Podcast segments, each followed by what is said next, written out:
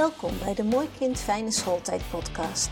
Deze podcast maak ik voor ouders van kinderen in de basisschoolleeftijd die moeite hebben met leren. Dit kan ontstaan omdat je kind de taal van school niet begrijpt of school begrijpt de leerwijze van je kind niet goed, maar dit kan ook andere oorzaken hebben. Wil je als ouders voorkomen dat je kind vastloopt of het zelfvertrouwen verliest? Ga je bij de eerste signalen gelijk op zoek naar begeleiding omdat je denkt in mogelijkheden? Dan is deze podcast gemaakt voor jullie. Want ik weet dat er nog heel veel mogelijkheden zijn voor je kind. Met deze podcast help ik jullie graag bij jullie zoektocht naar de beste ondersteuning. De meeste kinderen hebben nu vakantie. Het is de tijd tussen kerst en oud en nieuw. Er zullen ook ouders zijn die nu even vrij hebben en even een pas op de plaats kunnen en mogen doen. Alhoewel, komen we nog wel toe aan een pas op de plaats. Even rustig nadenken over de dingen die het afgelopen jaar zijn gebeurd. De route die je gekozen hebt en bent gegaan. Is dit nog de juiste route of moet je een andere gaan kiezen? Even een stukje over een route. In onze buurt werd het dorpje Bethlehem opgebouwd. Er werd een levende kerststalroute gebouwd en gemaakt. Ik deed mee, met natuurlijk nog meer figuranten, aan de levende kerststalroute. Ik liep met nog twee anderen als de drie wijzen rond, helemaal gekleed als de wijzen en met geschenken voor het kindje Jezus. We spraken onderweg reizigers aan die het dorpje Bethlehem bezochten en probeerde zonder Google Maps hen de weg zo goed mogelijk te wijzen.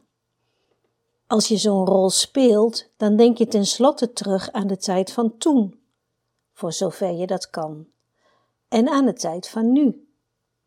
Alle reizigers van toen die moesten reizen zonder de hulpmiddelen die wij nu kunnen inzetten.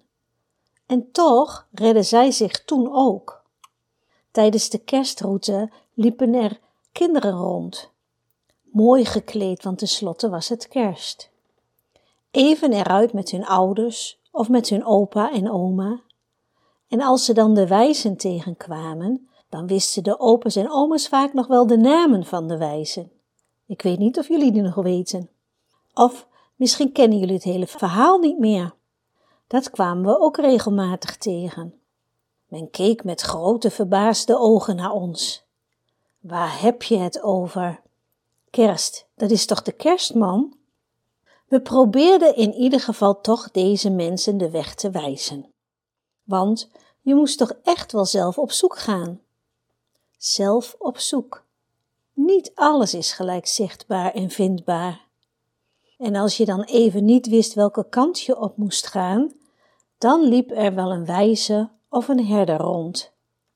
Aan de kinderen liet ik mijn goud zien die ik meegenomen had als cadeau voor het kindje. Op mijn vraag of ze ook wat hadden meegenomen, keken ze vaak vragend naar hun ouders. Nee, daar had echt niemand aan gedacht. Op mijn vraag daarna of ze, als ze de weg naar de stal en het kindje gevonden hadden, even terug wilden komen om ons ook de weg te wijzen, voelden de kinderen dit toch wel als een belangrijke opdracht. En dit is nou ook weer zo heerlijk aan kinderen. Ze doen dat gewoon. Kijk, eerst wijs ik hen de weg, maar daarna wijzen ze, wijzen ze mij of ons de weg. Hoe prachtig is dat? Ze nemen mijn vraag serieus. Er kwamen veel kinderen terug om te vertellen dat we gewoon de ster konden volgen. Vooral in het donker was deze heel goed te zien. De tocht zou hier tien minuten duren, maar in het echt duurde dit natuurlijk veel langer. Maar de blijdschap die je dan ziet bij een kind, ik kan jou de weg wijzen. Ze nemen die vraag met zich mee. Onderweg zijn ze deze niet kwijtgeraakt. Elke keer had ik ze niet terug verwacht, want hé, hey, die ster zagen wij ook wel. Maar zo denkt een kind niet. Ze gaan mee in de wereld waar ze op dat moment zijn. Dus ik voelde me door deze kinderen een echte wijze, die op zoek is naar de stal en het kindje. Oké, nu even terug naar deze tijd. Het stilstaan bij de route van je eigen kind. Nu je weet dat kinderen ons serieus nemen, beseffen we dan wel hoe we naar hen kijken? Ik denk dat heel veel kinderen zelf goed de weg kunnen vinden en zoeken. Er zullen ook een aantal kinderen zijn die even een stukje begeleiding nodig hebben. De weg is niet geheel duidelijk voor hen. En dit heeft niets te maken met hun zoektalent. Voor het ene kind zijn alle aangegeven bordjes met daarop de weg geheel duidelijk. Er zijn ook kinderen die deze bordjes heel anders bekijken. Draai een bordje om en je komt op een hele andere weg uit. De route verloopt dan anders. Dit is niet goed of fout, maar anders. Toch komen we dan ook weer terug bij het stukje tijd. Hoeveel tijd krijgen kinderen om even een andere route te pakken? Soms is het juist goed om even een andere route te begaan. We zijn tenslotte allemaal anders en willen graag onze eigen weg en onze eigen leerweg uitzoeken. Wanneer ga je iemand de weg wijzen? En wanneer laat je iemand even zelf zoeken? Allemaal interessante vragen, vind ik.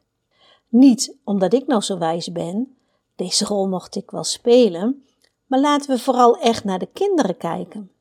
Wanneer kinderen een andere route lopen dan de route die op school wordt aangegeven, is dat erg? Wanneer kinderen blijven verdwalen, is dit wel erg, vind ik. Even zoekende zijn is denk ik niet erg. Maar als je kinderen laat verdwalen en je zorgt er niet voor dat er ook een route is voor hen, dan is dit niet wijs. We zijn met z'n allen verantwoordelijk voor elkaar. Kinderen nemen hun verantwoordelijkheid naar de wijzen toe tijdens de levende kerststalroute. Ze komen speciaal terug om de weg te wijzen. Terwijl volwassenen waarschijnlijk gedacht hebben: ja, hallo, die ster die kunnen jullie toch zelf ook gewoon volgen? Wat ik hiermee wil zeggen is dat we vaker door de ogen van een kind de route mogen bekijken. Hoe loopt de route voor een kind? En begrijpt het de route van school? En als het de route van school niet begrijpt, wat is dan de taak van een volwassene? Begrijpen we zelf eigenlijk de route van school wel? Of is deze ook voor volwassenen soms zeer onduidelijk? Voor elke school ligt er de taak om de route die zij bewandelen duidelijk en zichtbaar te maken en te hebben. Zitten hier nog verkeerde routes in, dan is het nuttig om deze te verwijderen. Vaak helpt het om dat door een buitenstaande te laten bekijken. Zo is het mogelijk om hulp in te schakelen bij de visie en de missie van de school. Als je deze helder neerzet, het liefst bekeken en begrepen door de ogen van een kind, dan zitten we op de goede weg. Een specialiste op dit gebied die ik ken is Josette Niehoff. Haar website kan iedereen bekijken: www.josette.nl. De volgende podcast ga ik in gesprek met Josette over de leerweg van haar kinderen, met de bewandelde routes, eventueel met hulp, en daar waar even geen hulp was. Graag ben ik een wijze die de weg wijst. Ik kan kinderen, met behoud van hun eigen leerwijze, toch de route door de school wijzen, zodat ze niet verdwalen en er alleen voor staan. Dit was de laatste podcast voor dit jaar. Ik wens jullie allen een juiste, mooie route door het nieuwe jaar. Ik wens jullie een goede jaarwisseling en tot volgend jaar. Dit was de Mooi Kind Fijne Schooltijd podcast. Super fijn dat je hebt geluisterd. Ik hoop dat het je steunt in je zoektocht naar begeleiding op maat voor je mooie kind. Heb je tips, aanvullingen of vragen? Stel ze gerust. Je kan met me in contact komen via Instagram of LinkedIn. Een mail sturen kan ook. Stuur deze dan naar info.eigenleerweg.nl Natuurlijk mag je ook een review achterlaten. Wil je meer Mooi Kind Fijne Schooltijd podcast beluisteren? Abonneer je dan op deze podcast. Luister je via Spotify, klik dan op volgen en op het belletje. Dan krijg je een bericht als de volgende podcast er is. Vertel ook anderen over deze podcast. Heel graag tot de volgende aflevering.